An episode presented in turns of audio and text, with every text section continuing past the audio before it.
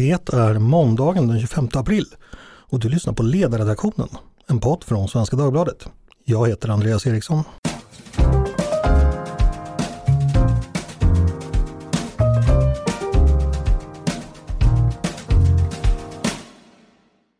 Varmt välkomna hörni! Moa Berglöf, hon var under många år en av statsminister Fredrik Reinfeldts närmaste medarbetare. Efter att Reinfeldt och Moderaterna förlorade valet och regeringsmakten 2014 har henne och partiets vägar skilts åt. Som ledarskribent och debattör har hon många gånger kritiserat Moderaternas politik och nuvarande vägval, framförallt när det gäller samarbetet med Sverigedemokraterna. Nu har hon skrivit en bok om sin historia.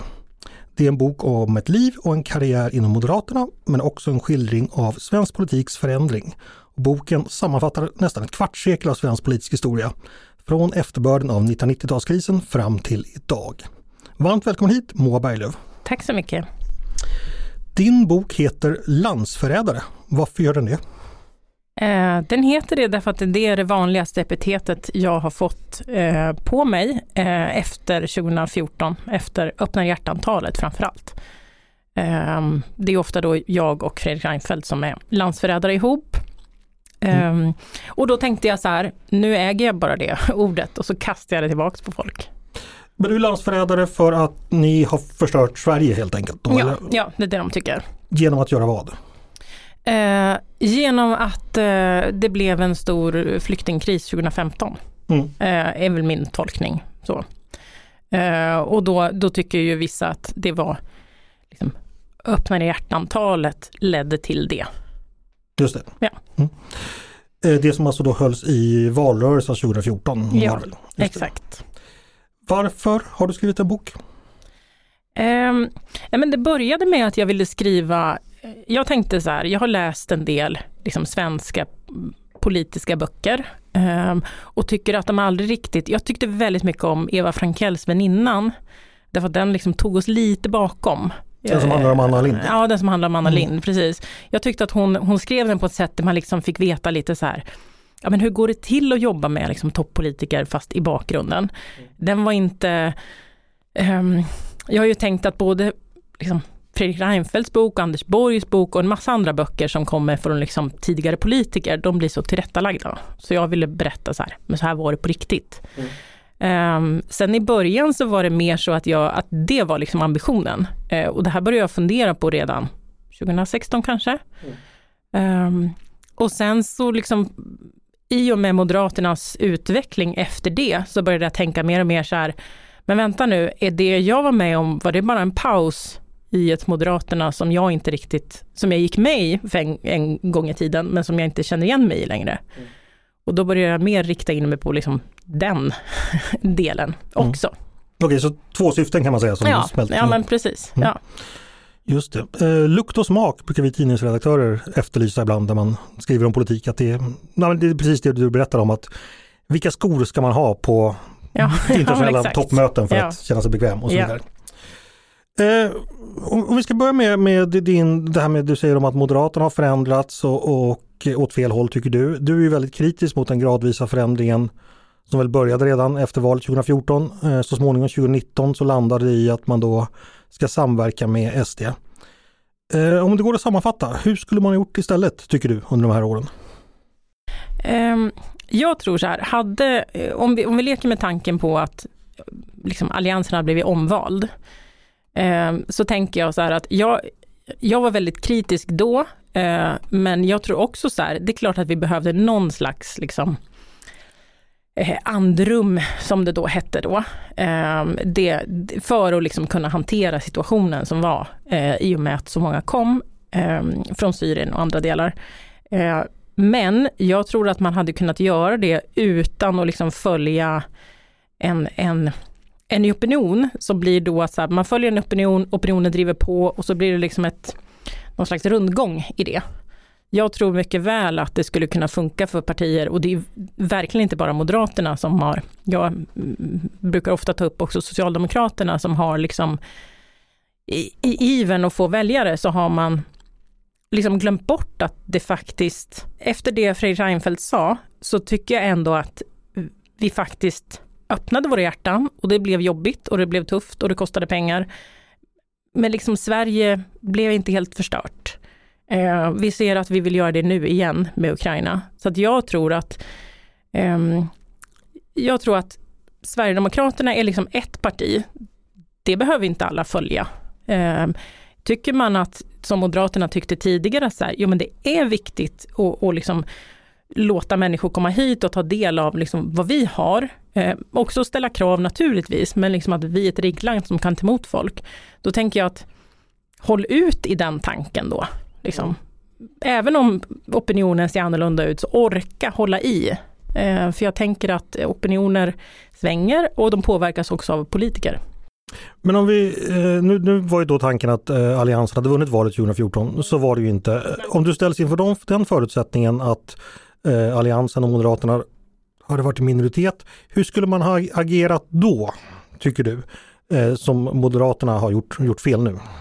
Ja, då tycker jag nästan att det är ännu viktigare. Alltså, vi, vi som har följt politiken länge, vi vet ju att eh, den, den liksom sämsta garanten för ett liksom öppet och fritt samhälle är Socialdemokraterna, eller har varit det historiskt. Eh, de har ju, det låter ju på dem i opposition som att de är liksom, de tycker att det är bra med invandring, de tycker att liksom, vi ska ha mångfald och allt sånt. Sen när de väl kommer till makten så ser det annorlunda ut. Och, och, och då tänker jag att då hade det varit otroligt viktigt att Moderaterna hade varit ett parti som liksom höll emot de tendenserna. Eh, till att stänga bron, eh, till att liksom börja peka ut människor som att de är liksom ett problem och en belastning. Eh, och där tänker jag att Moderaterna som ändå liksom ett frihetligt parti, eh, det är ju inte så att det är inte så att siffror eller mandat i riksdagen är givna det, det, finns också en stor grupp människor som liksom inte vill följa den eh, vägen som både SD och M och, S har slagit in på. Mm. Okej, okay, så rent sakpolitiskt så hade man kunnat behålla eh, kvar tron på öppenhet. När det gäller själva maktstrategin, eller man ska säga, då har ju dagens moderater dragit slutsatsen att ska man besegra Socialdemokraterna så måste man eh, samarbeta med Sverigedemokraterna, i synnerhet eftersom Först både C och L bytte block, nu är det bara C. Men alltså, så, så säger, så du får moderater idag så att matematiken är enkel, vi måste göra det. Hur möter du det, alltså maktargumentet så att säga? Eh, ja, dels så tänker jag så här att en framgång för Alliansen då, det var ju att man släppte sossehatet. Så här, kan, folk vill inte byta regering för att vi säger att sossarna är dåliga, utan för att de andra partierna vill något. Mm. Eh, jag tror ju att det är ju, låt, låt Sverigedemokraterna hålla på med sin grej, bilda opinion för er grej. Ni har liksom klarat förut eh, att ta väljarna från sossarna. Ni har klarat förut att liksom bilda en allians som kan eh, vinna regeringsmakten. Eh, jag kan tänka att så här, när det är ett parti som så uppenbart, jag menar både i ekonomisk politik står ju Sverigedemokraterna långt bort. Det ska bli intressant att se de eventuella förhandlingarna i, i sådana frågor. Eh, men också just så här, synen på människan. Jag läste Jimmy Åkessons debattartikel i Aftonbladet häromdagen, där han liksom pratar om att människor kommer från kulturer som är mer våldsamma än andra, det är liksom proffsmigranter. Det, det är ett språk som jag känner att moderater borde känna en liksom ryggmärgsreflex mot. Um, och då blir jag lite förvånad, varför samarbetar man då? Man har inte samma människosyn, man har inte samma syn på ekonomisk politik. Eh, då är jag lite förvirrad kring varför man vill ha de mandaten. Men då är det väl just det som du själv är inne på att man vill, det viktigaste är att utgöra ett alternativ till socialdemokratin. Att det ska finnas en opposition, att få bort Socialdemokraterna. Och det kan man väl ändå säga, det har väl traditionellt varit de borgerliga partiernas stora uppgift att, säga, att utgöra en opposition i landet helt enkelt. Absolut, men problemet är att SD inte är ett borgerligt parti. Så att man, eh, och jag skulle säga att de inte heller är ett konservativt parti de är synnerligen inte ett liberalt parti. Eh, och, och, och, då känner jag så här att då blir det en väldigt konstig opposition. Eh, jag tycker ju också ofta att partier borde så här, okej, okay, andas lite nu, tänk på vad ni egentligen vill. Hur vinner ni den makten utan att kompromissa för mycket? Lite grann måste man kompromissa, det gjorde vi med, men, men inte till den här graden. Mm. Eh, vi kommer nog in på det ytterligare i Sverigedemokraterna igen, men jag tänkte gå tillbaka lite tiden till en tid som faktiskt fanns innan social, eh, Sverigedemokraterna.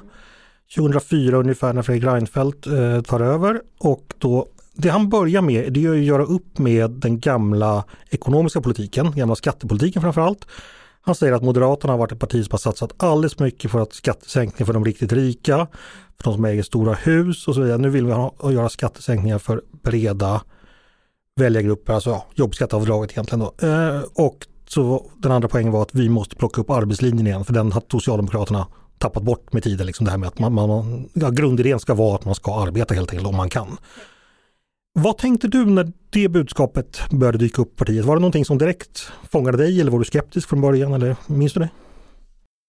Alltså jag tyckte ju att det var bra därför att jag märkte ju, jag har beskrivit i min eh, bok lite grann, dels hur vi i MUF ringde runt till väljare inför 1998, men också liksom, hur stämningen var inför 2002. Extremt svårt att locka människor till liksom, den, den typen av moderater som ville det. Eh, och just det här att vi sa på något vis att så här, jo, men vi vill att alla ska få det bättre, vi vill att skattesänkningarna ska liksom vara för alla. Men de facto så var de mest för de som tjänade mest pengar. Mm. Och, och, jag tyckte att det var väldigt skönt när Moderaterna sa att nej men vänta nu, det, liksom, vår poäng måste också vara att alla ska få sänkt skatt. Eh, jag tyckte också absolut att det fanns en poäng i det här att du ska inte eh, skickas ut i förtidspension som en slags arbetsmarknadsåtgärd. Eh, utan det fanns väldigt, väldigt mycket att ta tag i. Eh, och jag kände framförallt, som jag sa tidigare, att Tidigare så, så hade Moderaterna eh, fokuserat alldeles för mycket på liksom, vi vill inte ha sossar. Eh, då blev det helt plötsligt som att, så här, men vänta nu, de här problemen ser vi. Det vill vi göra någonting åt. Det är liksom samhällsproblemen. Så. Mm. Eh, det tyckte jag var väldigt skönt när alliansen liksom började formera sig så att det var, det var riktig politik. Men samtidigt var det så, eh, det här var den tid då jag själv kom in lite i politiken, att det fanns ju en kritik från höger, från, eh, alltså från institutioner som liksom Timbro, som Svenska Dagbladets ledarsida, att man tappade viktiga liberala högerpositioner. Exempelvis var man ju inte kritisk mot mot arbetsmarknadens funktionssätt. Eh, man var, samma sak med avre- massa gamla avregleringar man hade drivit tidigare, bostadsmarknaden, att vi skulle ha Eh, fri hyressättning och så vidare. Allt det där släppte ju Reinfeldt till ganska stor del och det tyckte, var vi ju många som tyckte att det här är dumt, det här måste ju finnas kvar. Hur gick dina tankar då? Du, du kommer ju ändå från det lite mer nyliberala hållet. Eh, var det någonting värt att släppa tyckte du eller var det en rimlig kompromiss eller hur, hur tänkte du? Alltså jag måste ju säga där att där, där var det ju lite så att eh, som, eftersom jag ju aldrig var politiker, alltså jag, jag jobbade liksom ganska lite med policy så, Eh, även om jag ju försökte trycka in sånt liksom hela tiden. Men jag tycker ju att, jag tycker absolut att man borde ha gjort något åt det. Det var väl liksom, det var väl så här, vi orkar socialförsäkringssystemen och jobbskatteavdraget men vi kanske inte orkar allt det andra. Mm. Så. Jag tror att det, det, är ju liksom en havererad bostadsmarknad fortfarande. Eh, jättestora problem på arbetsmarknaden, framförallt med det som jag har skrivit lite om, så här, det nya prekariatet med liksom alla cykelbud eller vad det nu är som är så här, vem fångar upp dem? Det mm. finns liksom inget ordentligt fackförbund och ingen annan som gör det. Um, sen tyckte jag också att det man däremot borde ha gjort bättre, det är ju liksom det här med uh, skolorna till exempel. Alltså det här med vinster i, i välfärden på det sättet, därför att jag tycker att eh, jag gillar ju marknadsekonomi men jag tycker att det är viktigt att det finns tydliga regler för den. Där tyckte jag snarare att det var lite för slappt, måste jag säga. Det som de skällde på som de kallar utförsäljning, mm. men som jag ändå tycker att det kan finnas en poäng i. Att eh, är man moderat eller liberal eller höger överhuvudtaget så vill man ju inte sprätta iväg skattepengar. Mm. Fast den kritiken mot så att säga, det som kallas, idag kallas marknadsskolan, den hade ju inte alls utvecklats nej, den nej, tiden. Den nej. Var ju, hade inte formulerats ens, ingen hade kommit på det ens. Nej, exakt.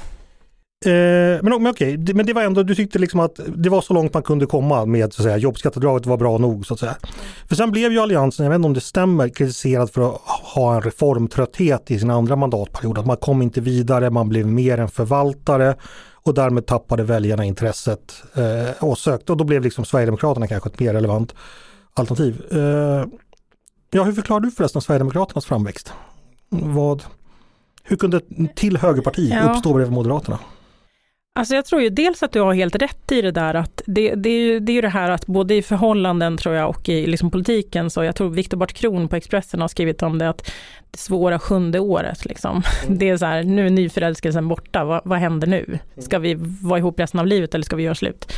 Um, och, och, och, så var det absolut. Och, och det blir, och med det så blir det också en så här media skriver inget bra längre, liksom alla blir sura, eh, vilket syns. Så var det ju även nu för Stefan Löfven. Sen hann ju han sluta innan det blev för jobbigt. Um, och, och just det här att så här, all, all kraft lades på den första mandatperioden.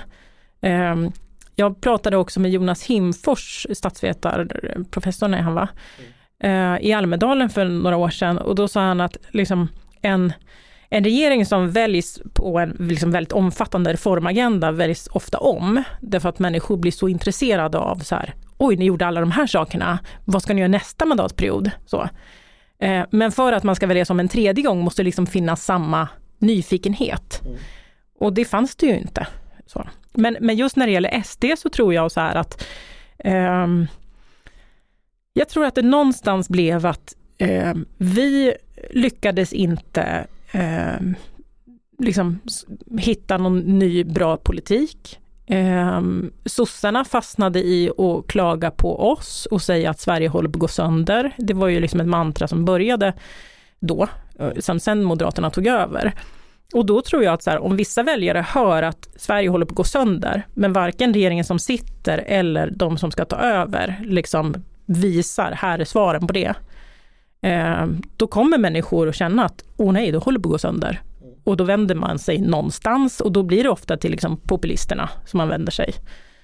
Eh, sen vet jag ju också, jag bor ju i Skåne nu, i Skurup, som är där Sverigedemokraterna är ganska stora, vilket är väldigt liksom, nyttigt för att man får det perspektivet.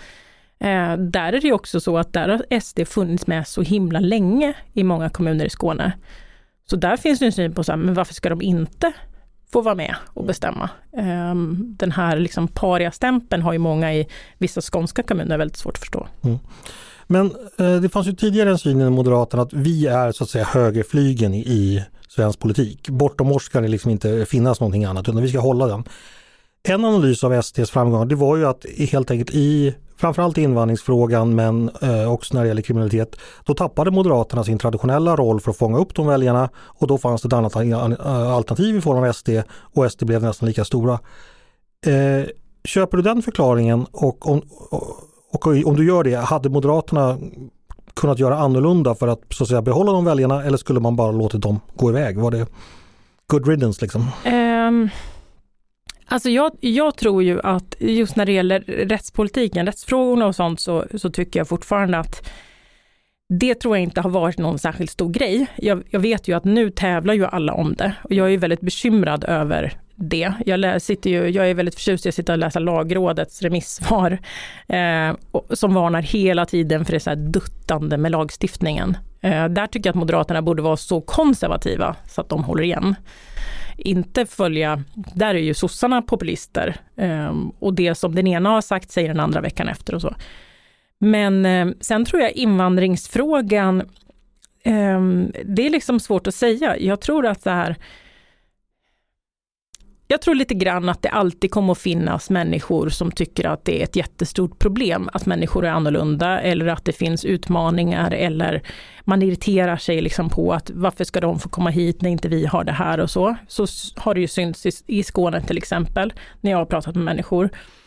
Eh, det är lite också sådär när Moderaterna efter valstugereportaget i Uppdrag granskning så, så landar man på 15,2 eller vad det var. Det är väl liksom de människor som tycker att så här, så tycker vi. Mm.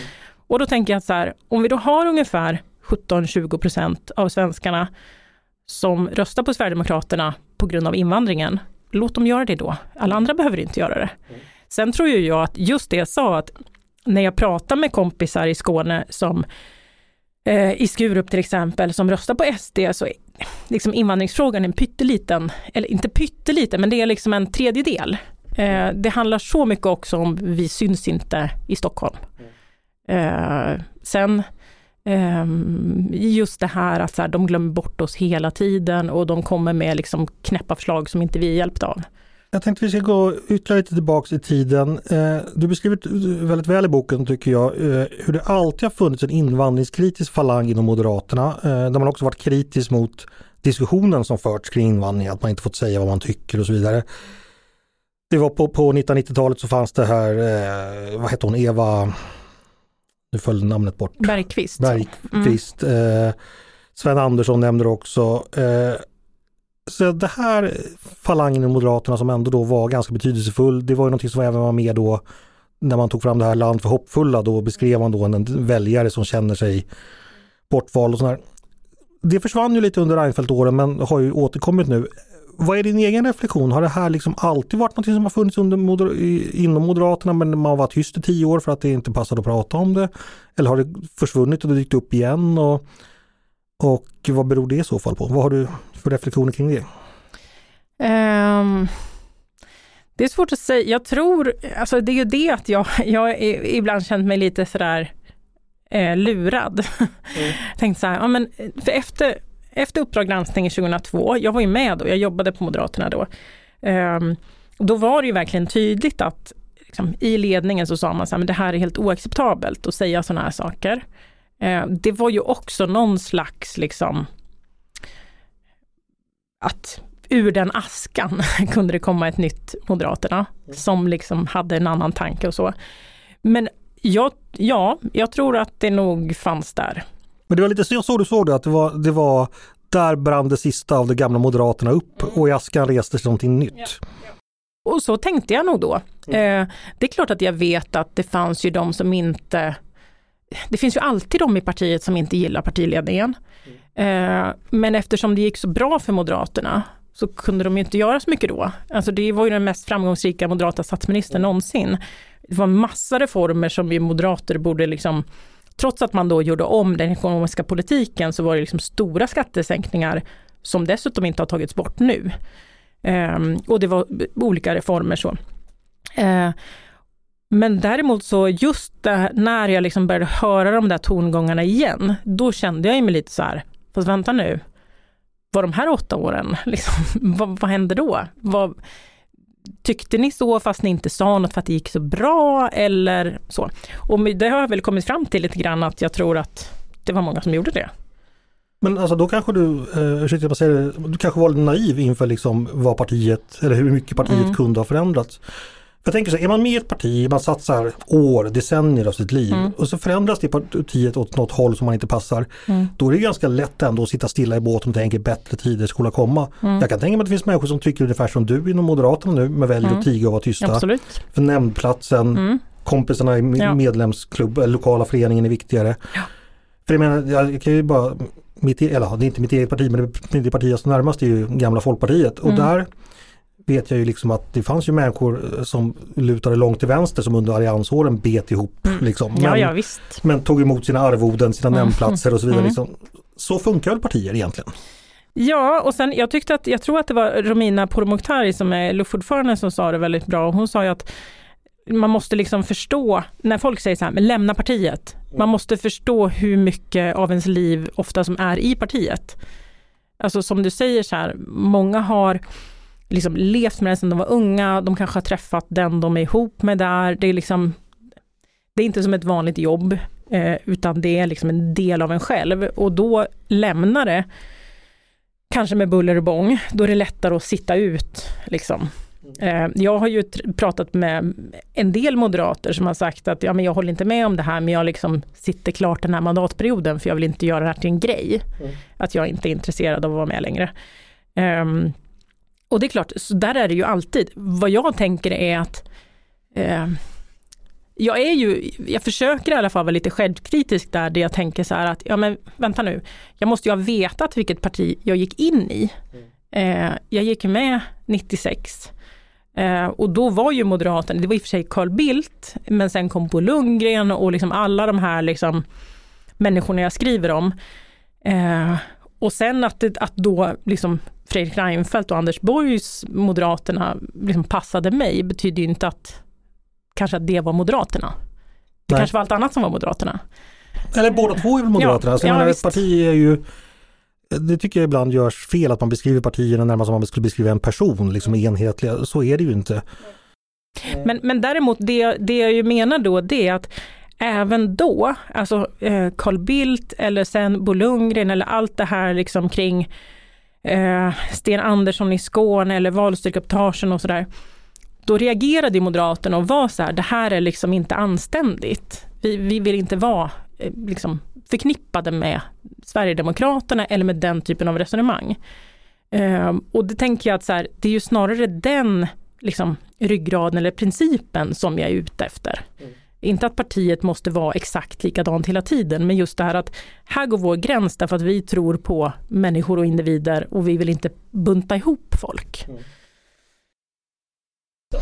Men det är ju ändå ett för att säga, tveeggat ideologiskt arv som Moderaterna har. Alltså det är ju det gamla högerpartiet vilket representerade egentligen makten i Sverige innan den allmänna rösträtten. Alltså vi pratar bördsprivilegier, vi pratar kungahus, vi pratar militär och de, stora, de, de som hade riktigt mycket pengar. Och det har ju så att säga aldrig lämnat Moderaterna. Sen har det kommit in massa annat ideologiskt arv också men så det har varit välkänt och det, de två benen, för, för nu verkar du fokusera väldigt mycket på att Moderaterna idag står snarare på det konservativa, traditionella, auktoritära benet. Men så där har det väl alltid varit att man stått och vickat mellan två olika ben och, och historiskt har det ju funkat hyggligt väl. Moderaterna har varit det största oppositionspartiet i ganska många decennier nu.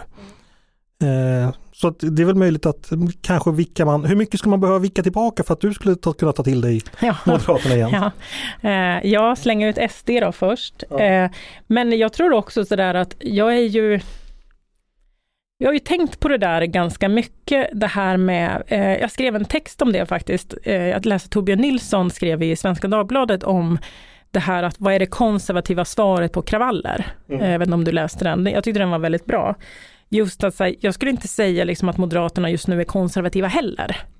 Eh, därför att det, eh, och där tycker jag, Fredrik Reinfeldt, vi pratar ganska mycket om det, han var ju väldigt konservativ i inga revolutioner, saker ska inte hända snabbt, vi måste bygga vidare på det som är bra, så. Blanda upp det med lite liberal livsstilspolitik liksom. Um, och där kan jag känna så här, den, den liksom snabba omställning som Moderaterna gör nu, eh, tycker jag, så här, sitt still i båten. Där är ju jag mer liksom, konservativ då. Um, ja, för du beskriver ju då att partiet befinner sig, nu citerar dig, mittemellan populismen och det anständiga. Så det är ju snarare populismen du angriper Moderaterna för. Om vi blir väldigt, väldigt konkreta, var i vilken sakpolitik är det man är populistisk? Eh, just nu framförallt i rättspolitiken, mm. eller kriminalpolitiken. Alltså, eh, jag tycker så här, ofta tycker jag att det har varit så här, man ser ett fall till exempel, någon dom som inte har blivit bra eller någonting som händer. Och då tar det liksom en dag innan eh, Moderaterna är ute och Socialdemokraterna är ute. De tävlar ju väldigt mycket med varandra om vi är ute först och så säger de här måste vi ha lagstiftning. Eh, därför att de ser att den här texten läser många människor, de hör säkert av sig till partiet och säger det här är för jävligt så. Jag skrev en text om den här eh, våldtäktsmannen som fick 840 000 i mm. skadestånd tror jag att det var. Eh, jag bråkade jättemycket med min dotter också om det, för hon tyckte det var helt vansinnigt. Jag försökte förklara principen bakom det. så. Eh, och där är det ju så att liksom, det var ju uppenbart en vidrig person, men staten får inte Statens mesta maktmedel är ju att bura in folk. Staten får inte göra det en sekund för länge. Um, och, och, det tycker jag borde vara så här, en otroligt grundläggande moderat åsikt. Mm. Eh, och ändå så blir det sådär att ja men han borde inte ha fått det här och nu måste vi göra om det här och sånt. Och det är klart att siffrorna i sig kan vara stötande och jämfört med brottsofferersättning och allting sånt är det det.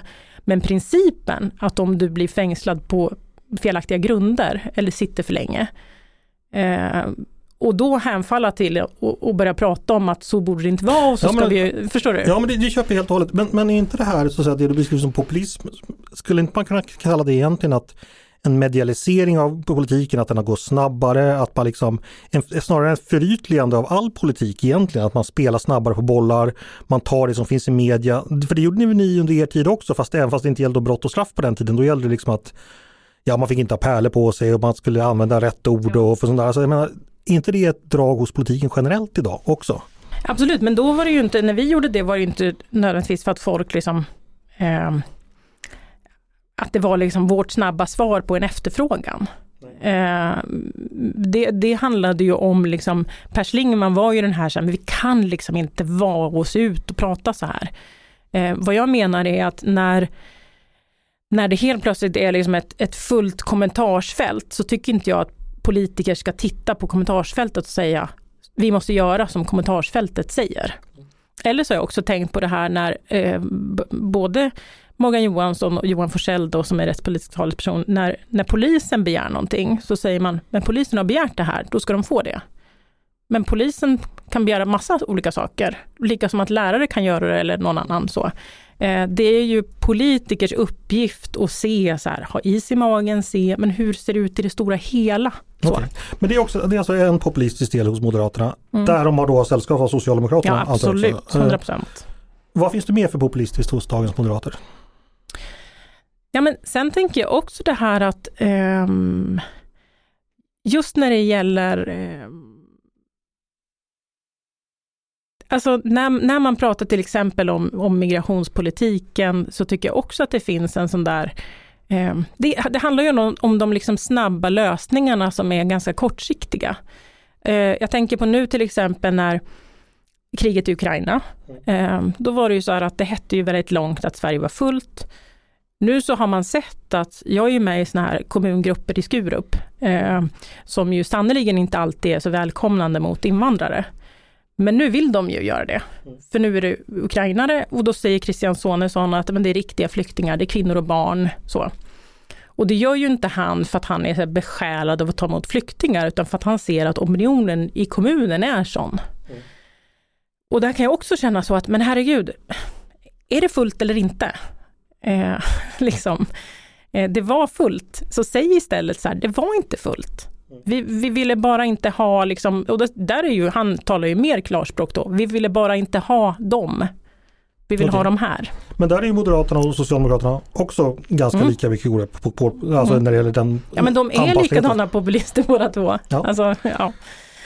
Eh, nej men för, för jag, vad jag funderar på lite, mitt intryck av din bok, att det du delvis beskriver det är ju vad du uppfattar som ett svek. Eh, och då, då, då undrar jag så här, en aspekt är hur mycket ser du det som ett personligt svek, att liksom människor du trodde du visste vad du hade, eh, att de har svikit dig. Det finns en väldigt stark passage i boken då Eh, dels Gunnar Strömmer inte återkommer till dig när det gäller att eh, du har eh, Hanif Bal, eller vad var det, det gällde Hanif Bali på Twitter i något, något sammanhang? Ja, han, han pratar om mina barns skola i sin podd, ja, så var det. Precis, och då återkom inte utan det var Tobias Billström som gjorde det istället och han kunde då inte liksom så att säga ta ditt parti som du upplevde det så att du slutade med att du mer eller mindre slänger på luren. Hur mycket är det det personliga och hur mycket är det det politiska sveket att man gått åt ett annat håll och i vilken mån går de här in i varandra eller gör de det? Hur, har du reflekterat själv kring det någonting? Ja, jättemycket. det var ju jag, jag har sett att vissa tycker att det är så hemskt att boken kommer så nära valet. Mm. Men det är också för att jag visste inte hur boken skulle vara på så länge. Jag började skriva den vintern 2019 och liksom äh, försökte komma på vad är det egentligen jag känner för svek, mm. precis som du säger. Så. Och där kan jag tycka att så här, ja det är klart att jag kan känna mig liksom, eh, inte svika men mer så här gaslightad.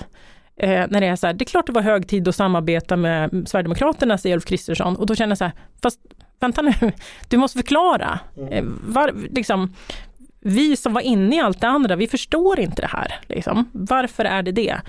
Um, så att det är ju en, en del liksom. Och sen samtidigt så känner jag så här, liksom, det är politik, det är så länge liksom, jag har olika åsikter med andra och sådär, det, det är fine. Jag tycker om många människor ändå i Moderaterna.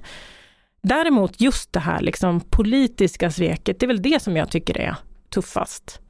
Mm. Um, att, uh, och inte för att liksom visa upp mina hjärtan eller för att liksom nya Moderaterna, om man säger, liksom trodde på en öppenhet och sådär, utan att, att det um, jag har alltid tänkt på Moderaterna jag har varit väldigt ambivalent i många år mot Moderaterna, men jag har ändå alltid tänkt på Moderaterna som det här liksom, fria partiet som tror på individer, som mm. inte ser på kollektiv, som inte liksom ser kollektiva hot, eh, som tror att människor, liksom, bara de får lite hjälp så kan de liksom skapa sig jättebra saker. Eh, och, och, då känner jag att så här, hur man då bestämmer sig för att nej men det låter som en bra idé att samarbeta med eh, Sverigedemokraterna med både sitt arv, men också som jag sa i den här debattartikeln i Aftonbladet, men att de säger så här, vi har, varit, vi har rensat upp, vi har blivit ett nytt parti.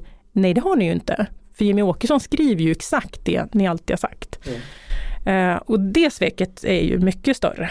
Det andra handlar ju bara om mig eh, personligen. Det här sveket är liksom om hela Sverige.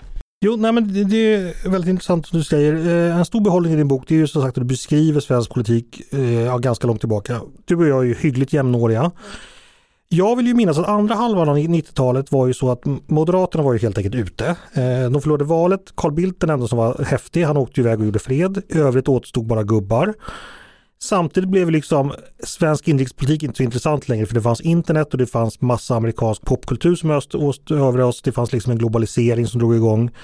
Som gjorde liksom att, ja men Göran Persson han får väl, han är väl ändå hyggligt mitten, han får väl tuffa på liksom. Ja. Så tror jag många ungdomar kände, man var inte så intresserad helt enkelt. Liksom.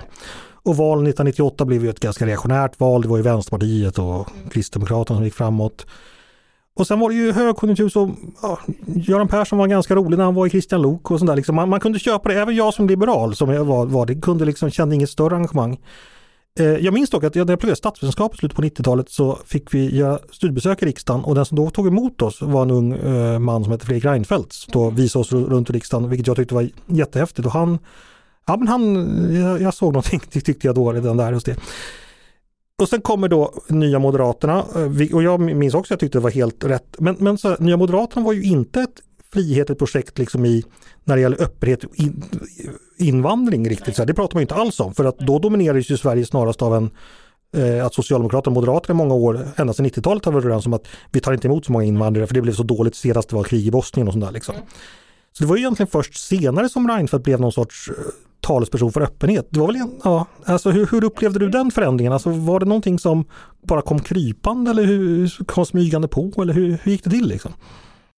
Alltså, jag tror att eh, det är precis som du säger och vi i MUF höll ju på väldigt mycket och kritiserade den här järnaxeln eh, mellan sossarna och moderaterna.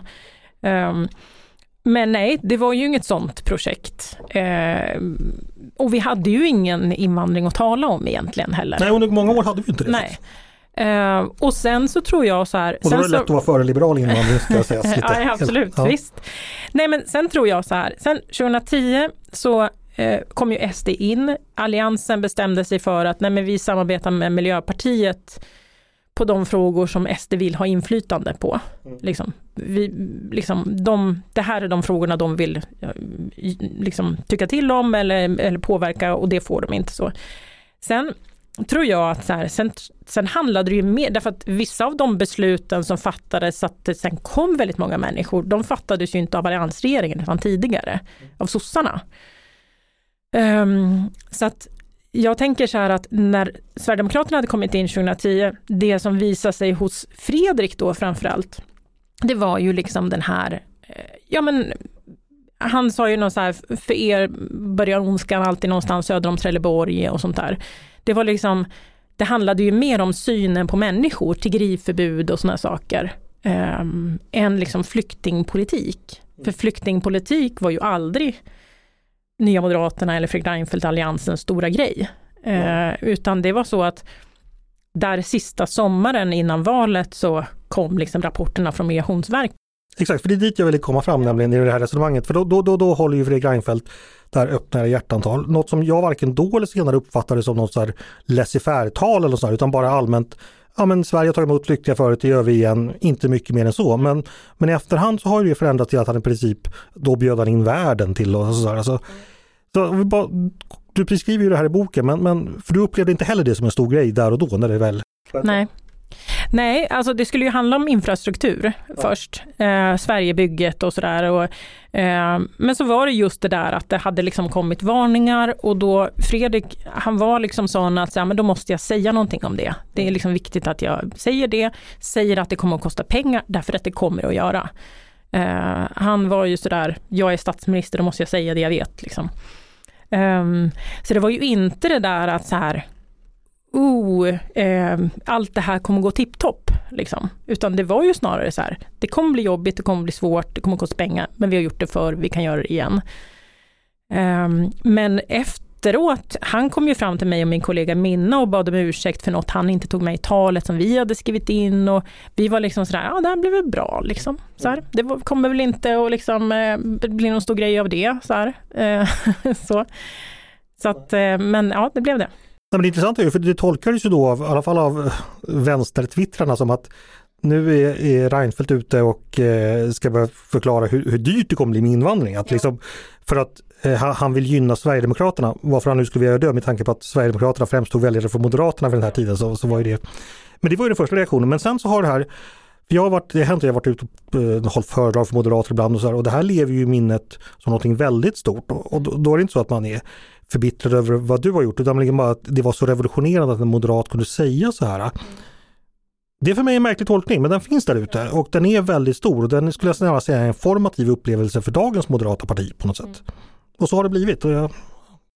Ja, men jag tänker också så här att det jag tycker var bra med att säga det så, det var ju, eh, Stefan Löfven gick också ut och sa så här, oh, nu ställer han kostnader mot flyktingar. Så. Mm. Men ska man säga att det kommer komma många, men det kommer inte kosta några pengar? Det här kommer gå, då är man väl naiv. Mm. Alltså, poängen var liksom att, att så här, lite som vad heter det, Angela Merkel, så här, vi schaffen das, eller vad hon sa, att, att liksom, ja det kommer bli jättejobbigt, men vi behöver göra det här. Eh, och det, hela den här, jag såg ju också hela den här grejen, spinnet om att det skulle ha varit liksom för att boosta Sverigedemokraterna. Då har man ju inte sett Fredrik Reinfeldts relation till Sverigedemokraterna. Eh, alltså, Nej, den var genuint ja. präglad av ovilja. Ja, 100 procent. Och vi hade ju också ibland när det var debatter i riksdagen och vi sa så här, men gå inte upp nu och ta debatten med dem, därför att de tjänar på det. Så stod han ändå där. Liksom. Det gick inte. Eh, men jag förstår ju att så, eh, jag känner nog bara så här att um, just det här öppnare hjärtan-talet, att det liksom har blivit så otroligt också känsligt för moderater. Jag tycker ju snarare att det var en, en väldigt liksom, att ta ansvar. Mm. Eh, helt oavsett vad, vad regeringen hade gjort innan liksom, vi förlorade valet, så hade det kommit väldigt mycket människor. Alltså, vi hade liksom inte kunnat säga då på sommaren så här, nu stänger vi bron. Det hade inte varit rimligt, det hade inte varit liksom möjligt ens. Fast förr eller senare hade ju även Moderaterna tvungna att göra det. Hund, ja, ja, 100 procent. Ja. Men, men det hade inte gjort att det inte hade blivit flyktingkris i Europa. Liksom. Um, så, att, så där tänker jag att um, det får man nog bara acceptera att det var så.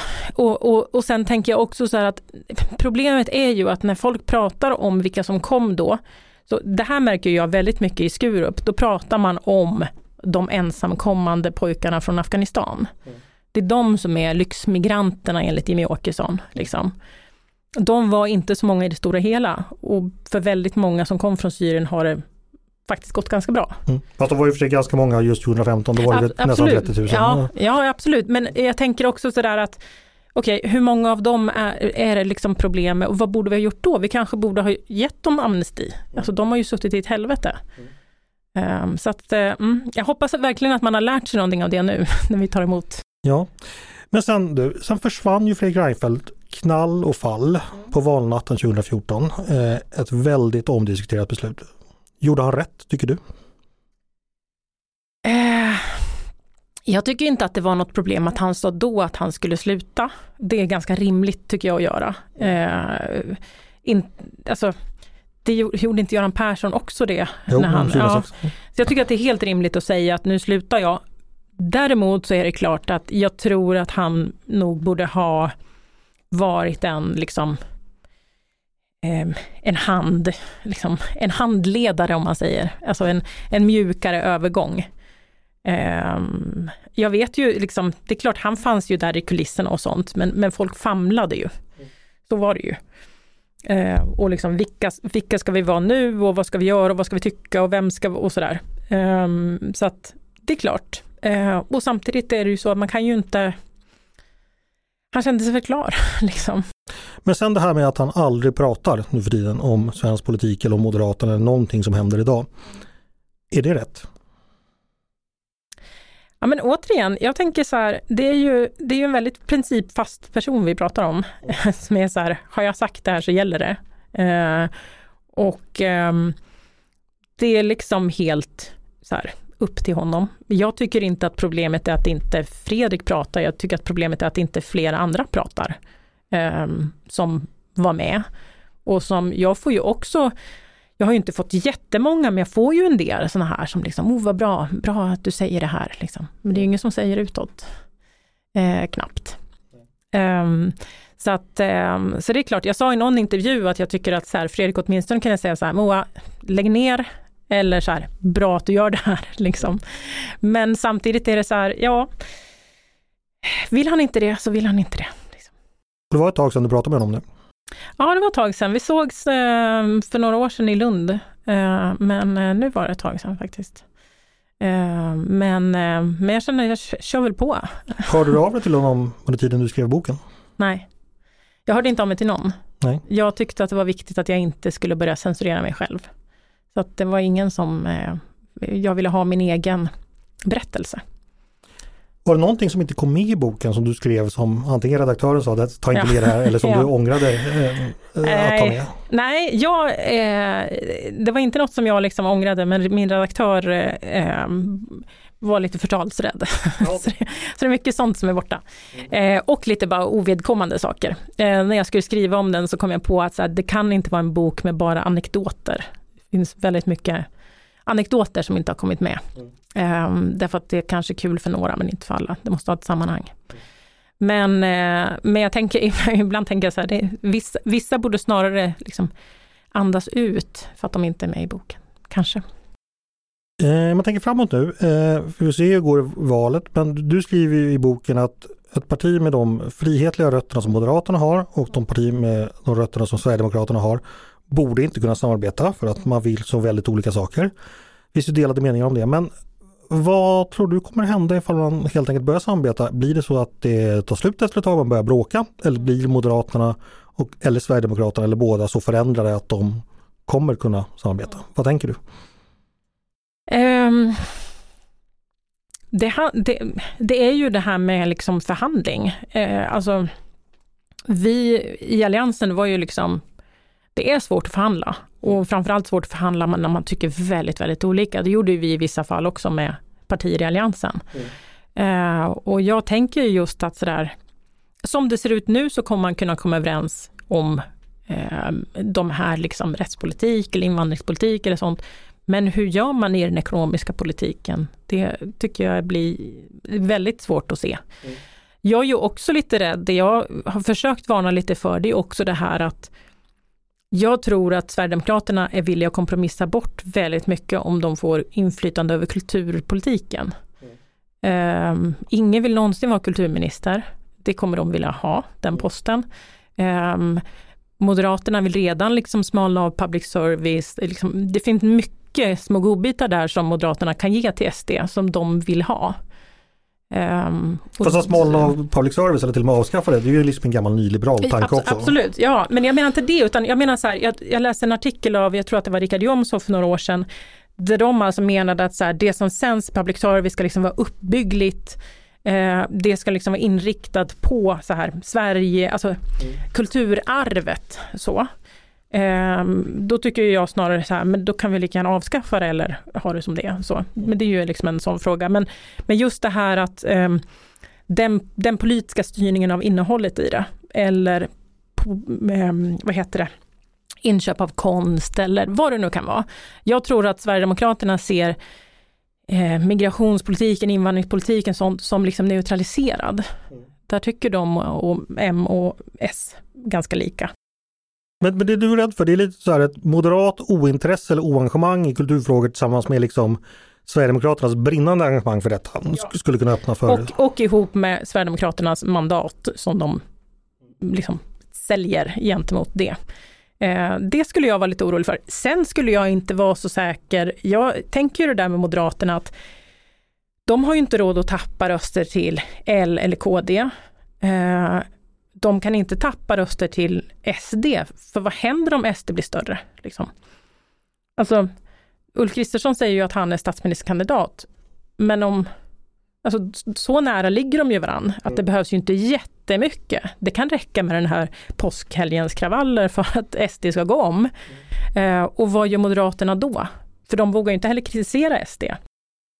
Okej, så du ser framför att, ja, men i så fall blir det väl eh, rimligtvis ingen regering för Moderaterna skulle väl aldrig sätta sig i en... Mm, fast de vill ha bort sossarna. Ja. Ja, det, det, det, det, det, är så mycket du misstror så att säga, dagens moderater. Jag tror att de till var, alltså förlorar Ulf Kristersson de... finansminister under statsminister Jimmie ah, Jag vet inte, men alltså förlorar de en tredje mandatperiod eller liksom nu har sossarna suttit i, i två mandatperioder inte varit särskilt bra. Mm. Eh, det är klart så här, det har varit kriser och allting sånt, men de har varit rätt värdelösa, det händer ingenting, inga stora reformer, de bara liksom tuggar på. Eh, så det är klart att vi skulle behöva något nytt. Och efter allt det, om Moderaterna ändå inte lyckas bilda regering igen, så det blir en tredje mandatperiod med sossarna, då tror jag att det ska mycket till för att man inte ska ta chansen om man har en majoritet i riksdagen ihop med SD, även om SD är större. Mm. Okej, okay, ja, ja nej, men det, är, det är ju väldigt intressant för då, då har du väldigt dåliga tankar om Moderaterna skulle jag säga. Liksom, jag tror, nej, dåliga tankar om Då skulle Moderaterna inte längre vara liksom det de vill vara, det statsbärande partiet, alltså nej. sossarna nummer två eller sossarna nej, till höger. Nej, visst. Men det är de ju inte, alltså jag tror så här, eh, vi säger att, att de tillsammans med ett SD som är större, att de får liksom 52 procent. Eh, den frestelsen tror jag är stor, inte bara för Moderaterna, alltså, det är inte bara dem jag misstror, jag misstror alla, alla som vill ha makt. Eh, jag tror det hade varit precis likadant liksom, eh, för sossarna eller något annat parti. Alltså så här, makten är så otroligt viktig. Sen tror jag så här, jag tror inte att Sverigedemokraterna kommer att kräva statsministerposten, för jag tror inte de kan. Alltså rent hantverksmässigt. Jag tror inte de vågar ge sig in i det så här.